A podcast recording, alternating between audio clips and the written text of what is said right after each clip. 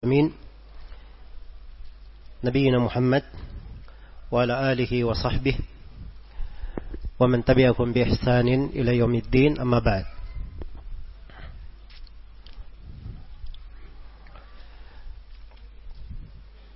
Baik, Alhamdulillah Ini awal pertemuan kita setelah Lumayan ya Waktu panjang juga Dari sebelum Ramadan Ramadan Dzulqa'dah, ah, Syawal.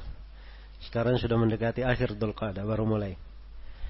Ya Masya Allah banyak tamu para masyaikh.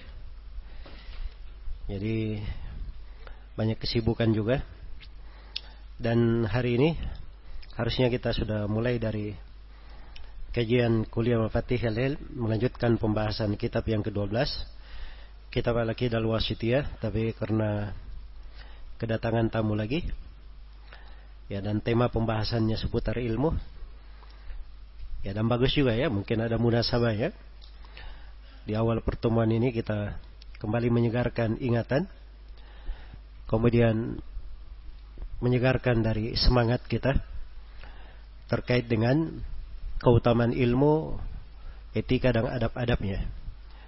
Itulah hal yang mendasari kajian kita di kelanjutan sesi ini membahas sebuah mantuma yang indah yang disebutkan oleh Al-Imam Ibnu Abdul Bar Al-Namri Al-Qurtubi rahimahullahu taala di dalam kitabnya Jami' Bayanil Ilmi wa Fadli.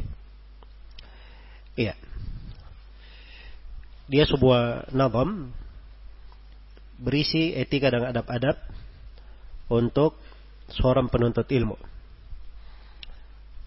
Nah ini dari manduma yang merupakan pegangan di dalam etika dan adab ilmu yang ditulis di masa dahulu.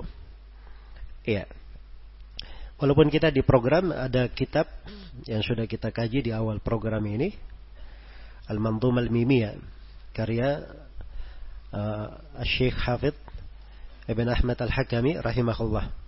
Nah itu lebih luas pembahasannya, cakupannya daripada mantuma ini. Tapi di mantuma ini, Masya Allah, terdapat di dalamnya goresan dari etika dan adab-adab yang sangat penting.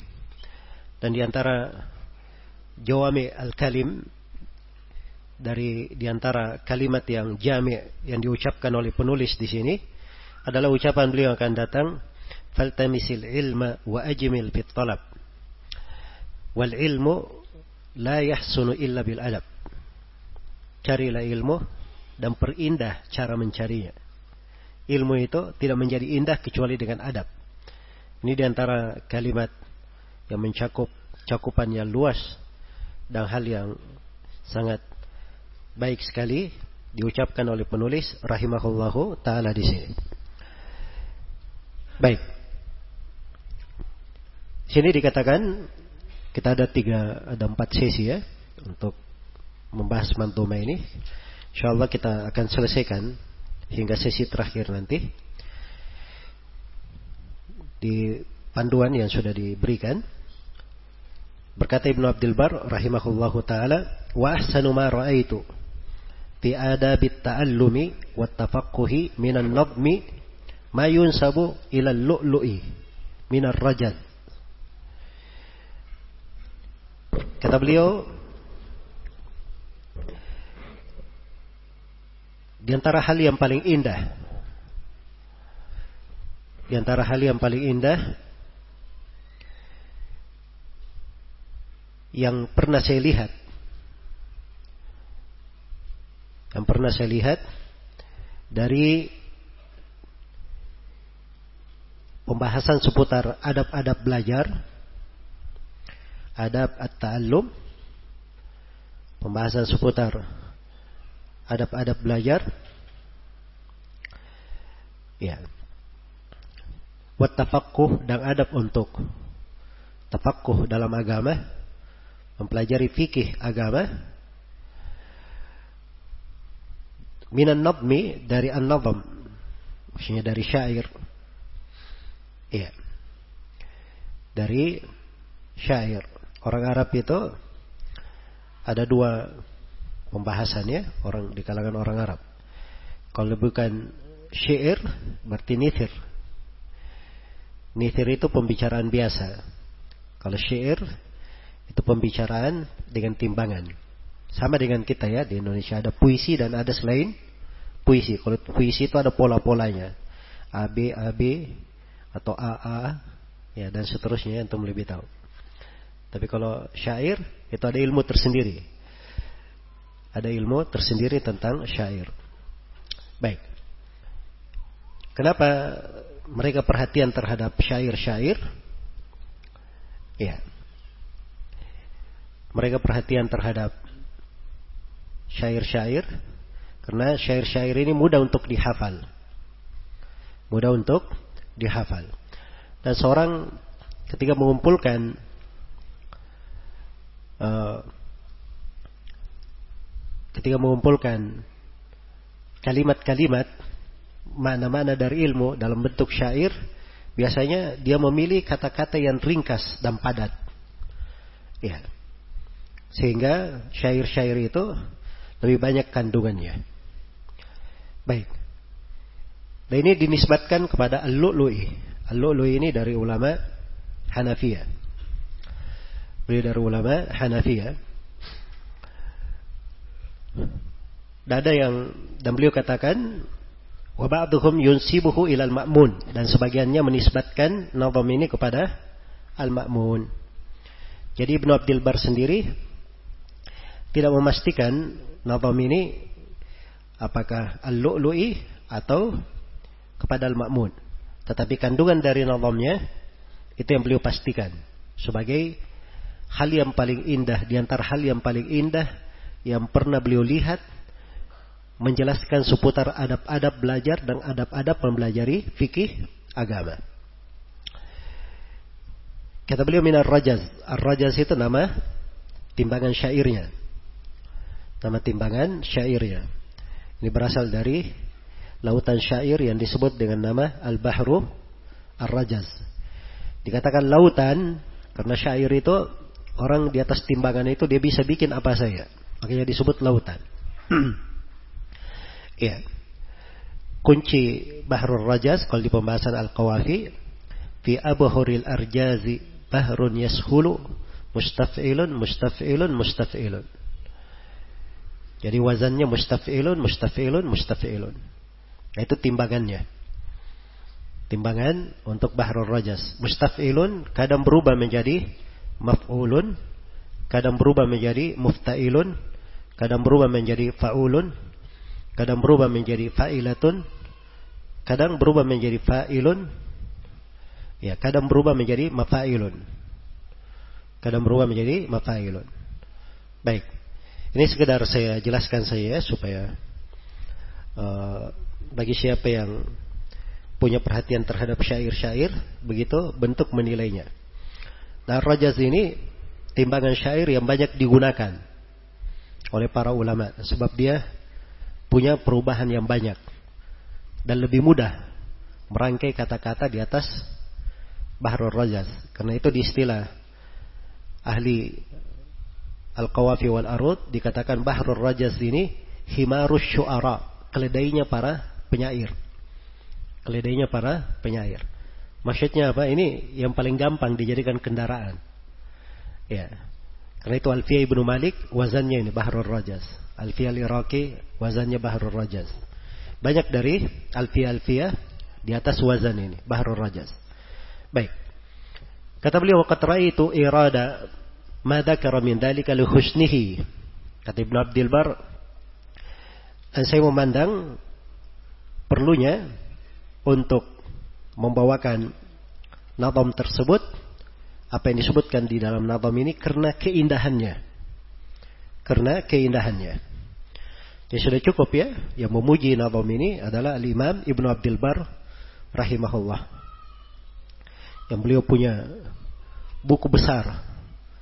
Beliau tulis tentang keutamaan ilmu. Judulnya Jami' bayanil ilmi wa fadlihi.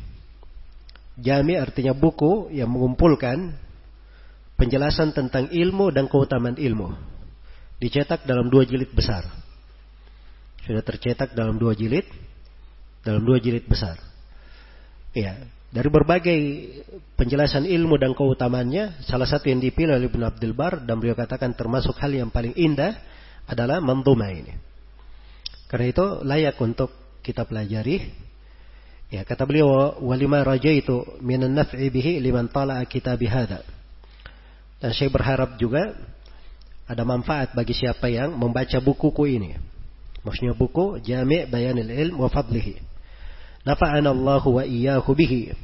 Semoga Allah Subhanahu wa taala menjadikan memberikan untuk kita semua dan untuk orang yang membacanya kemanfaatan dengan mantuma ini atau dengan nazam ini.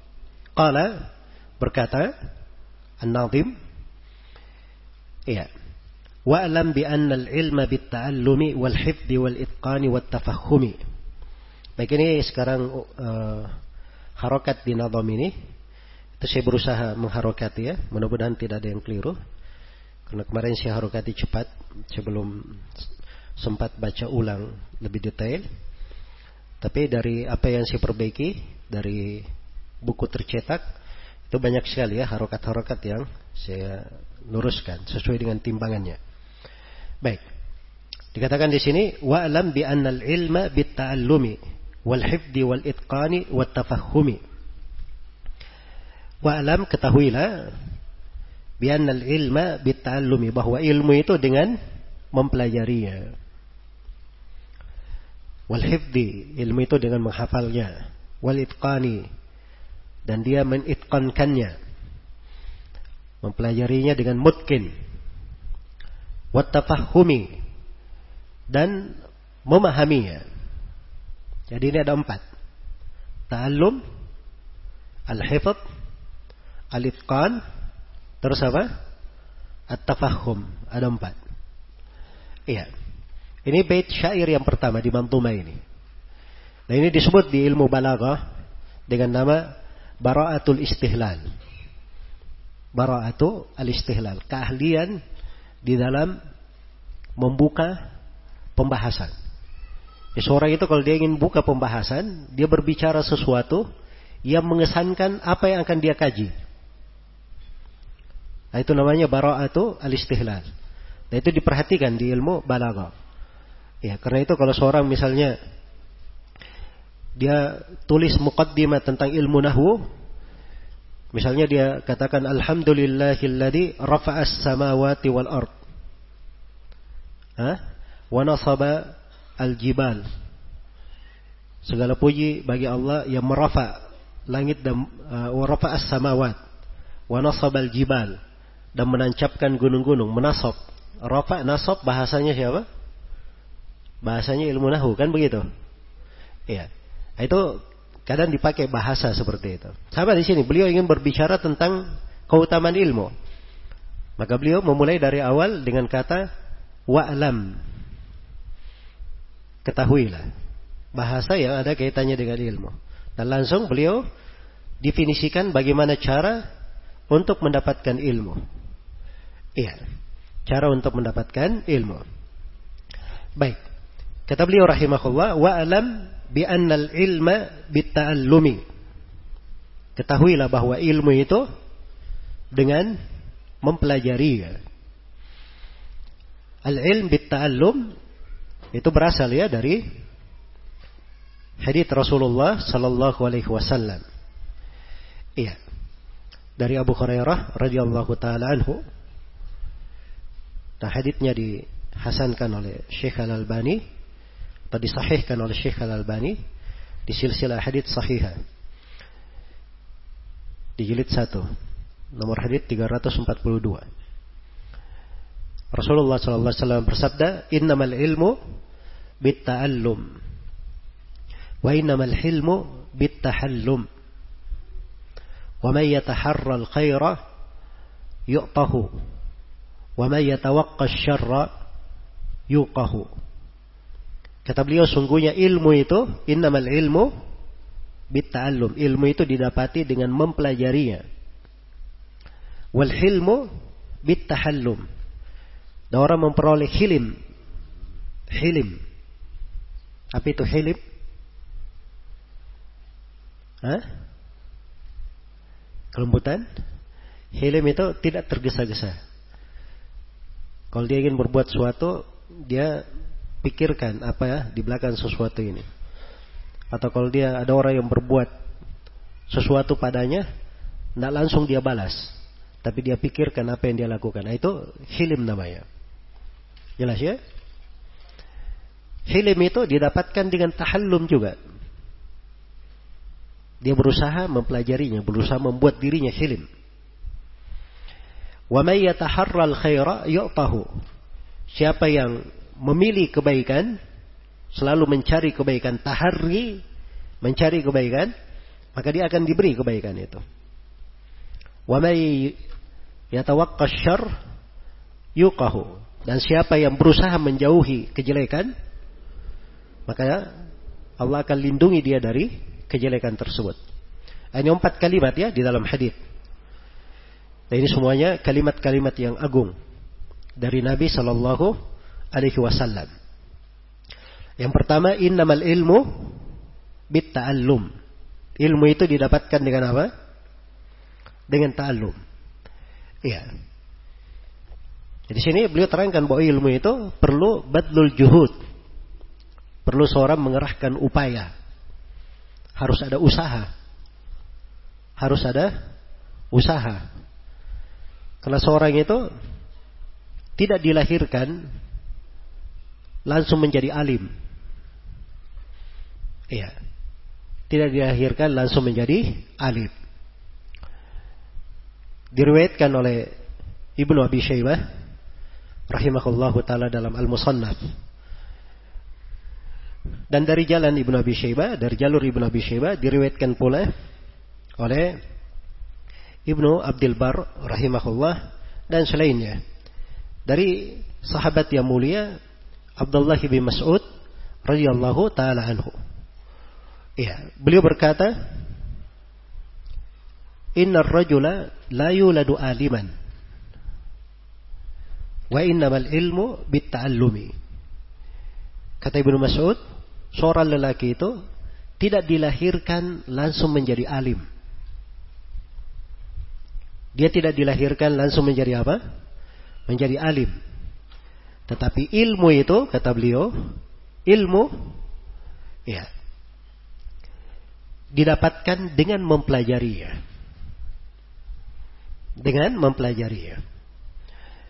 Kita dikeluarkan dari perut ibu-ibu kita dalam keadaan kita tidak mengetahui sesuatu apa pun.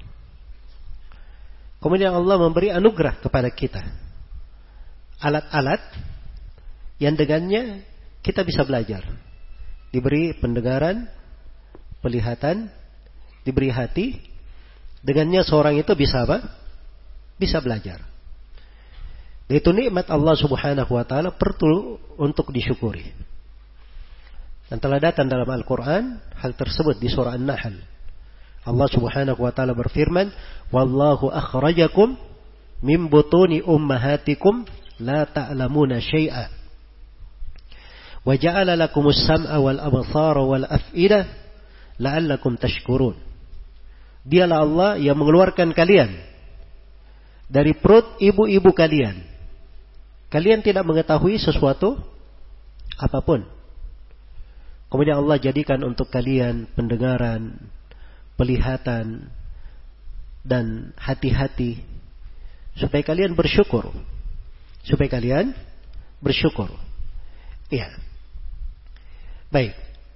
Jadi seorang tidak dilahirkan langsung dia alim. Ilmu itu perlu dia kerahkan upayanya. Dia ada juhud di dalam mempelajarinya. Ya. Dan ini adalah wasilah untuk mendapatkan ilmu. Wasilah untuk mendapatkan ilmu. Jadi ilmu dipelajari dengan ilmu didapatkan dengan mempelajarinya. Mempelajarinya. Nah, di mana ta'allum itu? Ta'allum itu diperlukan banyak hal di dalam ta'allum. Yang pertama, orang yang belajar itu dia perlu niat yang jujur, kesungguhan. Iya. Kalau tidak ada niat belajar di kehidupan ini, kita melewati banyak hal, kita melihat banyak perkara. Kita melihat berbagai keajaiban dari ciptaan Allah Subhanahu wa taala. Tapi kalau tidak ada niat jujur dalam belajar, fokus untuk hal itu, maka hal-hal yang sebenarnya bisa menjadi pelajaran itu tidak melekat di hati. Iya. Maka itu perlu al-azm as-sadiq. Suatu keseriusan sebuah semangat yang jujur. Sebuah semangat yang jujur. Kemudian di dalam bahasa ta'allum ya, ta'allum ta'allum itu tafa'ul ya kalau bahasa Arab. Ada bentuk dia mengurahkan upaya di dalamnya. Mengarahkan upaya. Jadi untuk mempelajari ilmu itu dia harus ada usaha. Ada usaha di dalam mempelajari ilmu. Iya. Kadang jasadnya perlu berletih-letihan di dalam hal tersebut. Iya. Nah, itu sudah dicontohkan oleh para salaf rahimahumullah di dalam belajar dan dalam mencari ilmu. Bahkan di antara hal yang menakjubkan diabadikan dalam Al-Quran kisah Nabi Musa alaihi salam melakukan perjalanan menjumpai siapa? Nabi Khadir. Padahal ini Nabi Musa. Salah satu dari ulul azmi. Salah satu dari ulul azmi. Tapi karena Nabi Khadir ada ilmu yang tidak diketahui oleh Nabi Musa, maka Nabi Musa melakukan perjalanan untuk menjumpai Nabi Khadir. Dan di perjalanan itu beliau katakan laqad laqina min safarina hada nasaba. Kami telah menjumpai di dalam perjalanan kami ini keletihan. Ya. Kayak orang sekarang, ya ngapain Nabi Musa ini sudah punya kedudukan di tengah kaumnya. Sudah tenang, duduk, duduk saja. Hah? Ngapain lagi pergi jalan-jalan? Pergi perjalanan jauh yang berat. Jelas ya? Tapi ilmu itu seperti itu. Memang harus ada keletihan. Dan seorang yang mengerti kadar ilmu, kadang dia melakukan rihlah, perjalanan yang panjang untuk mendapatkan apa? Untuk mendapatkan ilmu. Dan kadang sebagian ulama melakukan perjalanan satu bulan untuk satu hadith. Seperti kisah Jabir ya. Disebut oleh Al-Bukhari secara muallak. Dan berseperti kisah Syu'bah bin Al-Hajjad.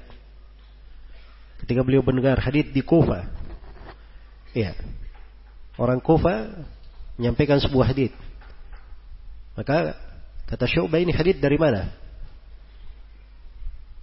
yang mengatakan memperceritakannya mengatakan enggak ini hadits saya diberi oleh seorang di Mekah maka Syu'bah menuju ke Mekah dia datangi orang itu orang itu berkata enggak ini hadits saya dengar dari fulan di Medina fulan di Medina ini kan mumpun di Mekah beliau tanya si fulan ini datang haji apa tidak nah, ketemu dengan Imam Malik Imam Malik bilang enggak dia sedang sakit dia tidak pergi haji Syu'bah jalan ke Medina Sampai di Medina, orang yang berini berkata, enggak, ini hadith justru saya dengar di tempat kalian di Kufah.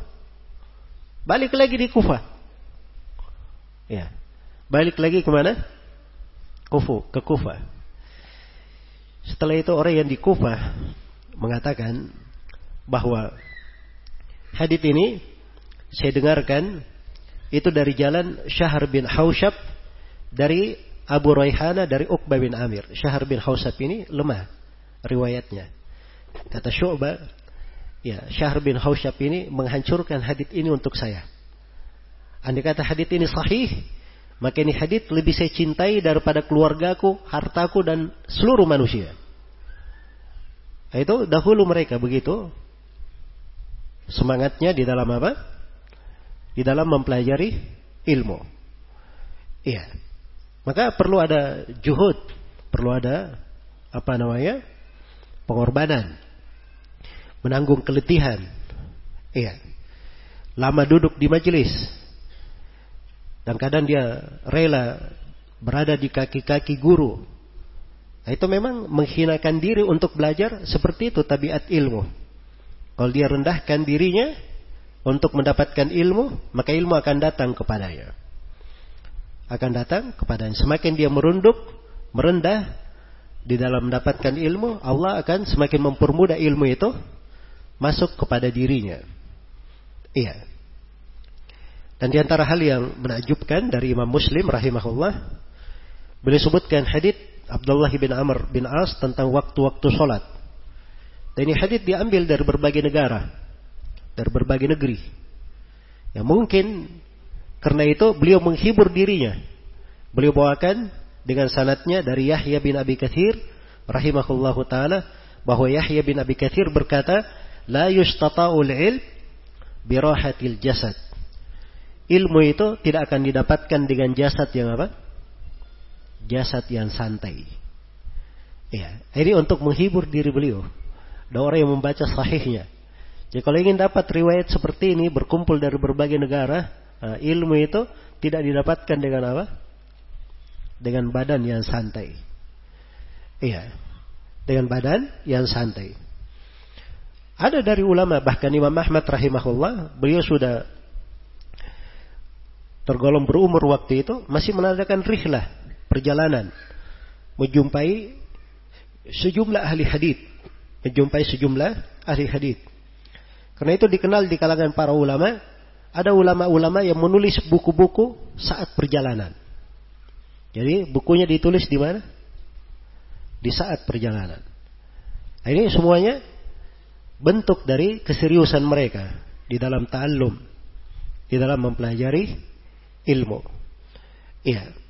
Disebutkan di biografi Ibnu Abi Hatim Ar-Razi Abu Muhammad Abdurrahman bin Muhammad bin Idris nama lengkapnya.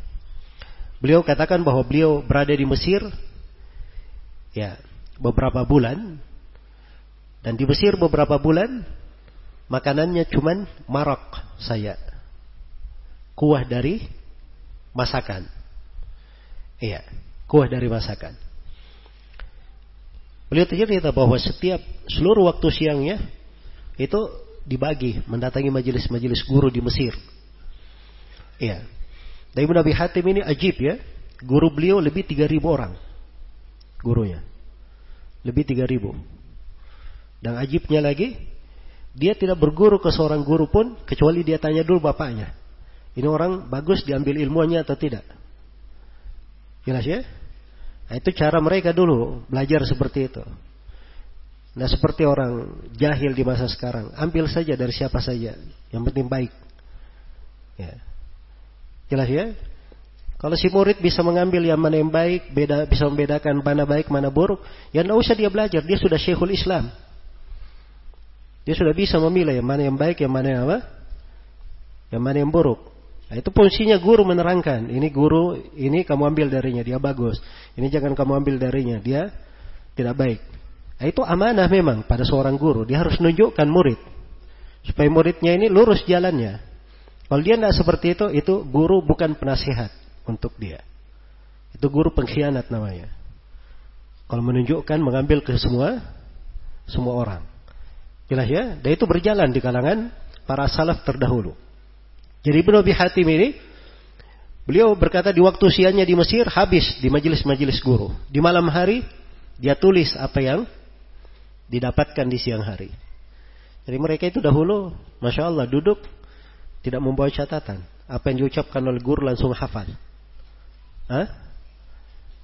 Langsung hafal. Di malam harinya dia hafal, ah, dia tulis ulang.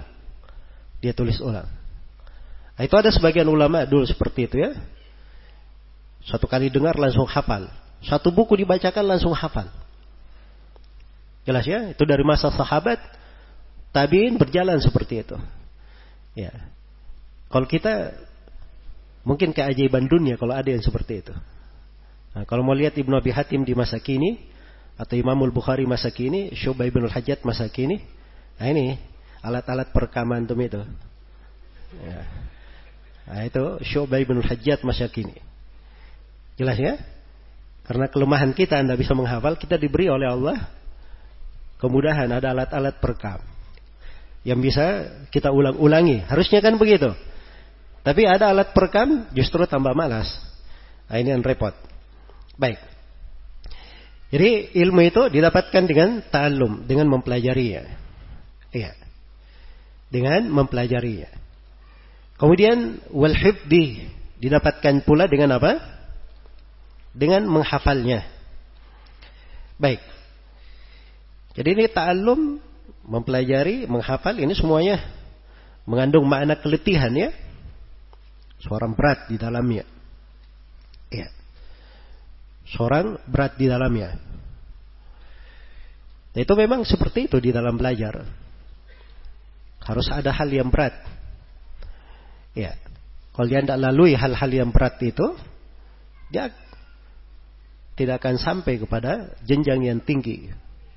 Malam yaduk dullat ta'allumi sa'atan tajarra'a ka'sal jahli tula hayatihi. Siapa yang tidak meneguk, siapa yang tidak merasakan kehinaan belajar walaupun sesaat, maka dia akan meneguk gelas kejahilan sepanjang dia hidup. Iya. Itu disebutkan dari Imam Syafi'i. Di Imam Syafi'i juga punya bait-bait syair yang lain tentang bagaimana seorang itu mencapai cita-cita yang tinggi. Kata Imam Syafi'i rahimahullahu taala, biqadaril kaddi tuktasabul ma'ali. Biqadaril kaddi tuktasabul ma'ali. Wa man talabal ula sahiral layali. Siapa yang dengan kadar keletihan, dengan kadar susah payah seorang meraih derajat yang tinggi. Siapa yang menginginkan kedudukan yang tinggi, dia harus begadang di malam hari. Tarumul izza, thumma tanamu laylan, yagusul bahra, man talabal la'ali. Kamu menghendaki kejayaan, tapi kamu tidur. Banyak tidurnya di malam hari. Kata Imam Syafi'i, orang yang ingin mendapatkan mutiara, dia itu menyelam ke lautan. Jelas ya? Kalau mau cari mutiara, jangan berenang-renang di pantai aja. Nggak ada mutiara di pantai itu. Mutiara itu nanti keluar ke sana ke laut. Masuk ke laut yang dalam, baru dapat mutiara. Ya, baru dapat mutiara. Sama dengan ilmu seperti itu. Karena itu kata beliau, "Waman ramal ula min ghairi kaddin al-umra fi talab al-muhali, fi talabil muhali. Kata beliau, siapa yang menghendaki ketinggian tanpa bersusah payah, itu artinya dia membuang-buang umurnya mencari hal yang mustahil. Mencari hal yang apa? Mustahil. Iya. Dan di antara bentuk keletihan dalam belajar adalah menghafal. Ya, hafalan memang perlu perhatian. Dan seorang perlu kesungguhan di dalamnya. Karena itu diberi keutamaan khusus untuk orang-orang yang menghafalkan ilmu. Ya, orang-orang yang menghafalkan ilmu. Rasulullah sallallahu alaihi wasallam bersabda, "Nadarallahu ra'an sami'a maqalati pawa'aha." Di sebagian riwayat, pawa'aha fahafidhaha. Paballaghaha kama sami'. Parubba muballagin au amin sami' Allah memperindah wajah seseorang. Dia dengar dari kami sebuah hadith, sebuah ucapan, lalu dia pahami. Sebagian riwayat lalu dia hafal. Kemudian dia sampaikan sebagaimana yang dia dengar. Nah, ini didoakan an-nadarah. Didoakan keindahan wajah untuk mereka. Iya, dan ini doa yang agung ya. Sebab penduduk sorga itu dikatakan dalam Al-Quran, wujuhu yawma idin nadhirah ila rabbiha. Wajah-wajah pada hari itu berseri-seri, itu an-nadhara. Nah, ini doanya Nabi untuk mereka yang mendengar hadis kemudian menghafalkannya. Kemudian menghafalkannya. Maka ilmu itu perlu untuk di, dihafal. Di sebagian riwayat di Sahih Muslim dari Zaid atau dari Amr ibn al-Akhtab radhiyallahu anhu, beliau bercerita bagaimana Nabi Shallallahu Alaihi Wasallam berdiri setelah sholat subuh naik berkhutbah.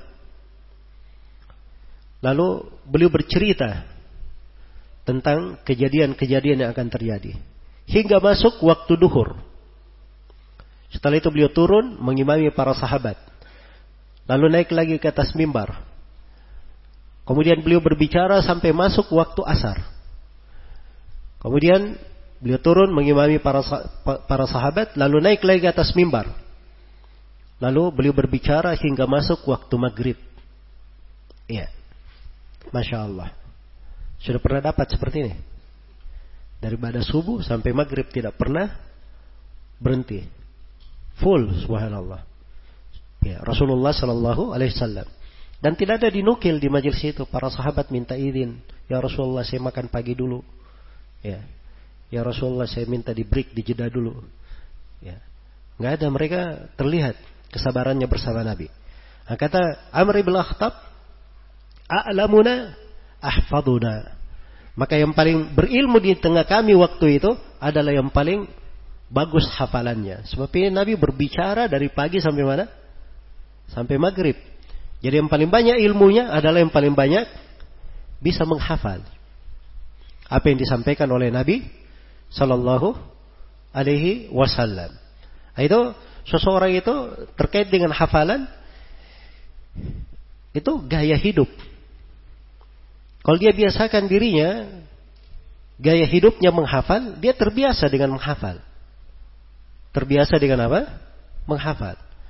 Karena itu sebagian ulama ada yang prinsipnya dia tidak mau dengar hadis dua kali, satu kali saja.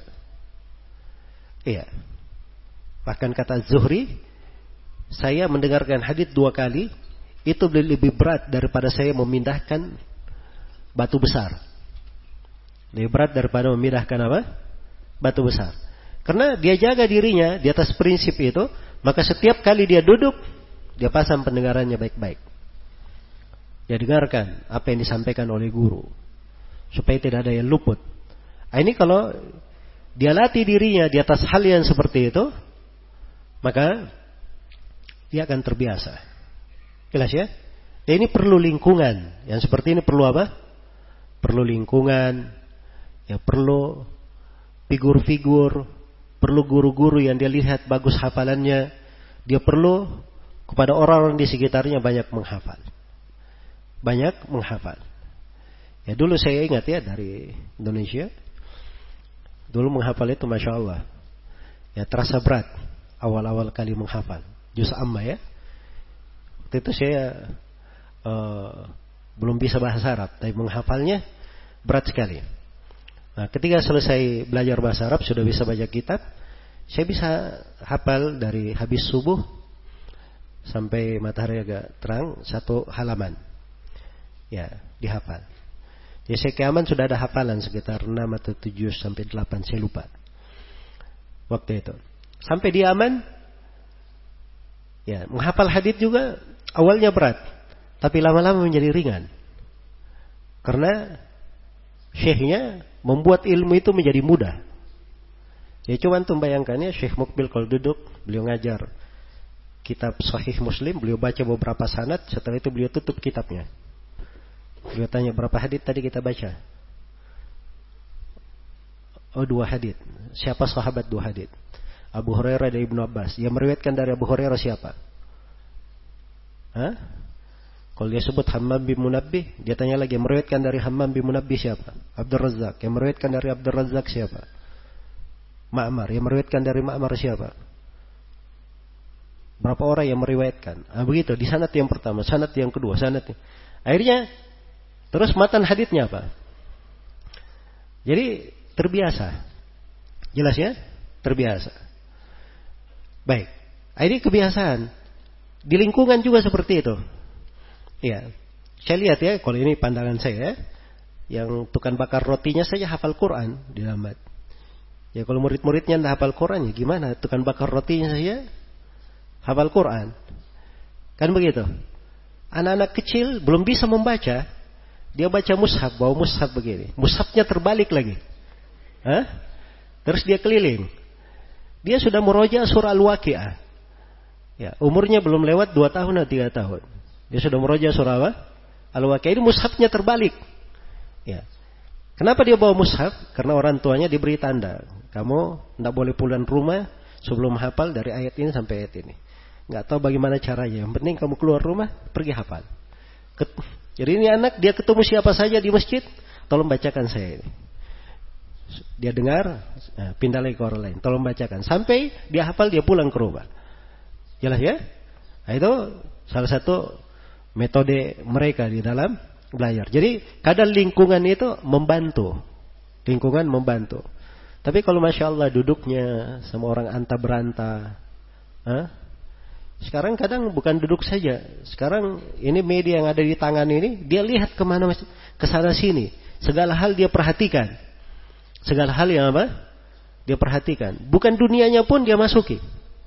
Akhirnya semakin terbengkalai di dalam belajar dan di dalam menuntut ilmu.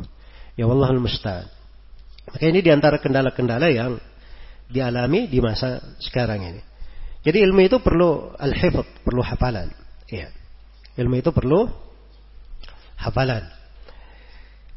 Karena itu dikatakan wal hifdi. Ya. Wal itqani dan juga ilmu perlu itqan. Perlu itqan. Itqan itu kadar di atas hafalan. Seorang hafal ya. Dan dia mutkin. Mutkin itu artinya dia bisa menghadirkan hafalannya dengan cepat. Kapan saja dia inginkan. Ah, itu mungkin namanya. Iya. Karena itu dikatakan la hifdha atau la ilma illa bil hifd. Wala hifdha illa bil itqan. Wala itqana illa bil muraja'ah. Tidak ada ilmu kecuali dengan dihafal. Dan tidak ada hafalan kecuali dengan itqan. Dan tidak ada itqan kecuali dia terus-menerus mengulanginya. Dia terus-menerus mengulanginya. Ya. Nah, kadang sebagian ahli hadis dia datang ke gurunya. Ini dari imam-imam besar ya. Ya, diberi dua tiga hadis. Dia sudah hafal. Ya. Seperti Syu'bah bin Al-Hajjaj, Abu Bistam Al-Basri, itu datang ke gurunya Qatada. Qatada memberi tiga hadis. Ya. Coba berkata sudah cukup dulu. Kata Qadar saya tambah lagi enggak? Cukup. Saya ingin menghafalnya. Jadi para imam saja yang bisa menghafal sekaligus satu kali mendengar, mereka tidak terlalu memperbanyak hadis yang dia ambil. Karena itu perlu diulangi. Perlu dia ulangi, dia baca berulang kali. Iya. Makanya tahapan-tahapan ketika menghafal itu bertingkat-tingkat sesuai dengan kemampuan, kebiasaannya. Ada orang yang mungkin di awal kali dia menghafal, nas itu perlu dia baca seratus kali. Perlu dia baca seratus kali. Ada orang yang dia perlu melihat dulu seperti ini wa alam bi anna al ilma bit ta'allumi wal hifdi wal itqani wat tafahumi. Dia aja dulu dengan melihat. Sudah lancar dia baca wa alam bi anna al ilma bit ta'allumi wal hifdi wal itqani wat tafahumi wa alam bi anna al ilma bit ta'allumi wal hifdi wal itqani wat tafahumi. Sudah lancar dia aja baru dia mulai menghafalnya. Wa alam bi annal ilma bit ta'allumi wal hifdi wal itqani wat tafahumi. Begitu caranya. Nah, nanti diulangi nas seperti itu, ulangi 10 kali, 50 kali, 100 kali sampai dia membaca seperti membaca surah Al-Fatihah. Jelas ya? Ya kalau menghafalnya lancarnya baru hafal tapi lancar-lancar sedikit belum kayak Al-Fatihah, lebih bagus dia perlancar dulu. Sebab nanti kalau dia tidak begitu lancar seperti membaca surah Al-Fatihah, murojaannya yang susah. Ketika dia ulangi dia akan apa? Dia akan kerepotan. Iya. Makanya dia hafal hari ini dia muroja, besok dia ulangi lagi, besok dia ulangi lagi. Iya. Ada seorang ahli hadith, dia muroja hafalannya di atas atap rumahnya. Di atas atap rumahnya. Dia ulangi. Tiap hari itu dia ulangi. Maka ada seorang perempuan di situ, di apa namanya tetangga ya dia berkata Fulan apa yang kamu lakukan itu? Itu terus kamu ulangi. Saya juga sudah hafal itu. Saking banyaknya dia dengar. Ya, saya sudah hafal. Maka perempuan ini dia baca apa yang dia hafal selama ini. Ya sudah, oleh ahli hadis ini dibiarkan saja. Bersama dengan waktu dan hari-hari, ahli hadis ini tanya kepadanya, kamu masih ingat nggak yang kamu hafal tempo hari? Katanya saya sudah lupa. Ya. Maka kata ahli hadis ini, inilah yang menyebabkan saya selalu mengulanginya supaya saya tidak kena musibah seperti yang menimpa kamu. Ya. Jelas ya? Karena memang seperti itu, ilmu itu harus selalu apa? Harus diulangi. Ini hafalan ini pengkhianat. Ya, kadang masya Allah sudah hafal kuat, begitu diperlukan, tidak keluar keluar hafalan dia. Ya. Nah, ini kan perlu itqan. Ya kalau dia mungkin dia bisa keluarkan. Ya. Nah, itu gaya-gaya para ulama. Jadi kalau lihat di biografi Imam Al-Bukhari, misalnya Imam Al-Bukhari itu pernah di satu majelis atau di satu perjalanan mengantar jenazah ke kuburan, beliau berjumpa dengan sebagian ahli hadis. Pakai Imam Al-Bukhari ditanya tentang cacat-cacat hadis. Beliau menyebutkan cacat-cacat hadis itu seperti membaca surah Al-Fatihah. Ini bukan hadisnya ini dia. Ini penjelasan tentang apa? Cacat hadis. Ini lebih detail lagi. Jadi dalam hal yang lebih detail lagi, mereka sedemikian rupa kesegeraannya di dalam apa? Di dalam menghafal. Maka ini gambaran-gambarannya bagaimana cara untuk seorang itu mungkin. Dan perlu diketahui itqan itu adalah hal yang dicintai. Inna Allah ahabba minal abdi idha amila amalan ayyutkinahu. Sungguhnya Allah cinta dari seorang hamba. Kalau dia beramal sebuah amalan, dia mungkin di dalamnya. Dia mungkin di dalamnya. Lengkap. Bagus. Iya. Maka di dalam ilmu seperti itu. Baik. Sama ketika kita belajar seperti ini, matan seperti ini, ya di antara bentuk itqan kita tahu matan ini cara bacanya bagaimana. Keluarnya dia tidak ada masalah lagi di cara bacanya. Dari mungkin juga dia tahu matan ini kandungannya apa, mana kalimat-kalimatnya apa. Terus kalau dia sudah rangkum faidah-faidah yang dipetik, dia tulis faidah-faidah yang dipetik apa. Nah, kalau dia punya tiga hal ini, itu sudah bagus. Dia keluar dengan satu apa? Satu pembahasan dari ilmu bagus. Sisa dia perlu waktu untuk mengulanginya. Besok dia ulangi lagi. Kalau dia tidak hafal, dia perbanyak mengulangi dengan membacanya. Mengulangi membacanya. Iya, jelas ya? Dan di sebagian keadaan itu seseorang ketika dia membaca sendiri, tidak mesti dia mulutnya diam, kemudian membaca saja mengulangi. Tapi dia mungkin perlu duduk, perlu berbicara, seakan-akan di depannya banyak orang, Ya, jelas ya? Kalau misalnya ada yang sulit seperti itu, dia cari aja peternakan ayam, peternakan bebek, ha? terus dia baca nas itu di depan ayam dan bebek, supaya dia apa? Dia berbicara. Dan itu membantunya untuk mengulangi dari ilmu. Baik, itu hal yang baik ya di antara metode-metode di dalam hal ini. Kemudian yang terakhir dikatakan wattafahumi. Dan ilmu itu perlu untuk dipahami. Iya. Nah, ini hal yang paling penting sebenarnya dalam ilmu. Ya. Jadi sekedar hafalan saja, itqan saja itu tidak cukup. Banyak orang yang punya hafalan, tapi dia tidak paham apa yang dia dia hafal. Karena itu ahli hadith jumlahnya puluhan ribu ahli hadith. Bahkan ratusan ribu. Orang yang ahli hadith menghafal hadith. Tapi yang mengerti cacat-cacat hadith ilal dalam riwayat itu orang-orang dihitung pakai jari. Iya, sebab itu bentuk pemahaman. Jelas ya, bentuk pemahaman.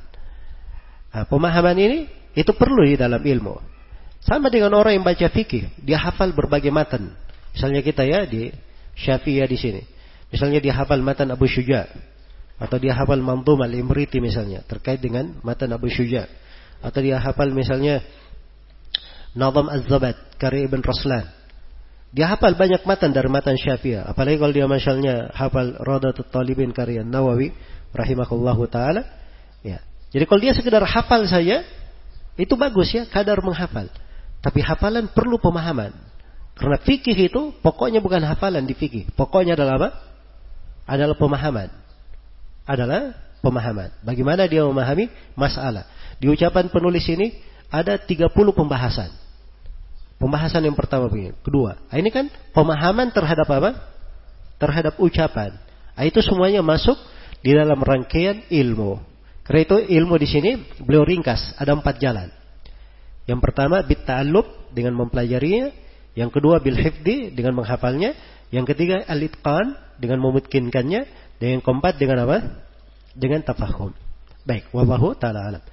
Selesai untuk sesi ini, insyaallah taala kita akan sambung nanti di sesi berikutnya setelah sholat asar. Subhanakallahumma wabihamdik asyhadu an la ilaha illa anta, astaghfiruka wa atubu ilaik, walhamdulillahi rabbil alamin.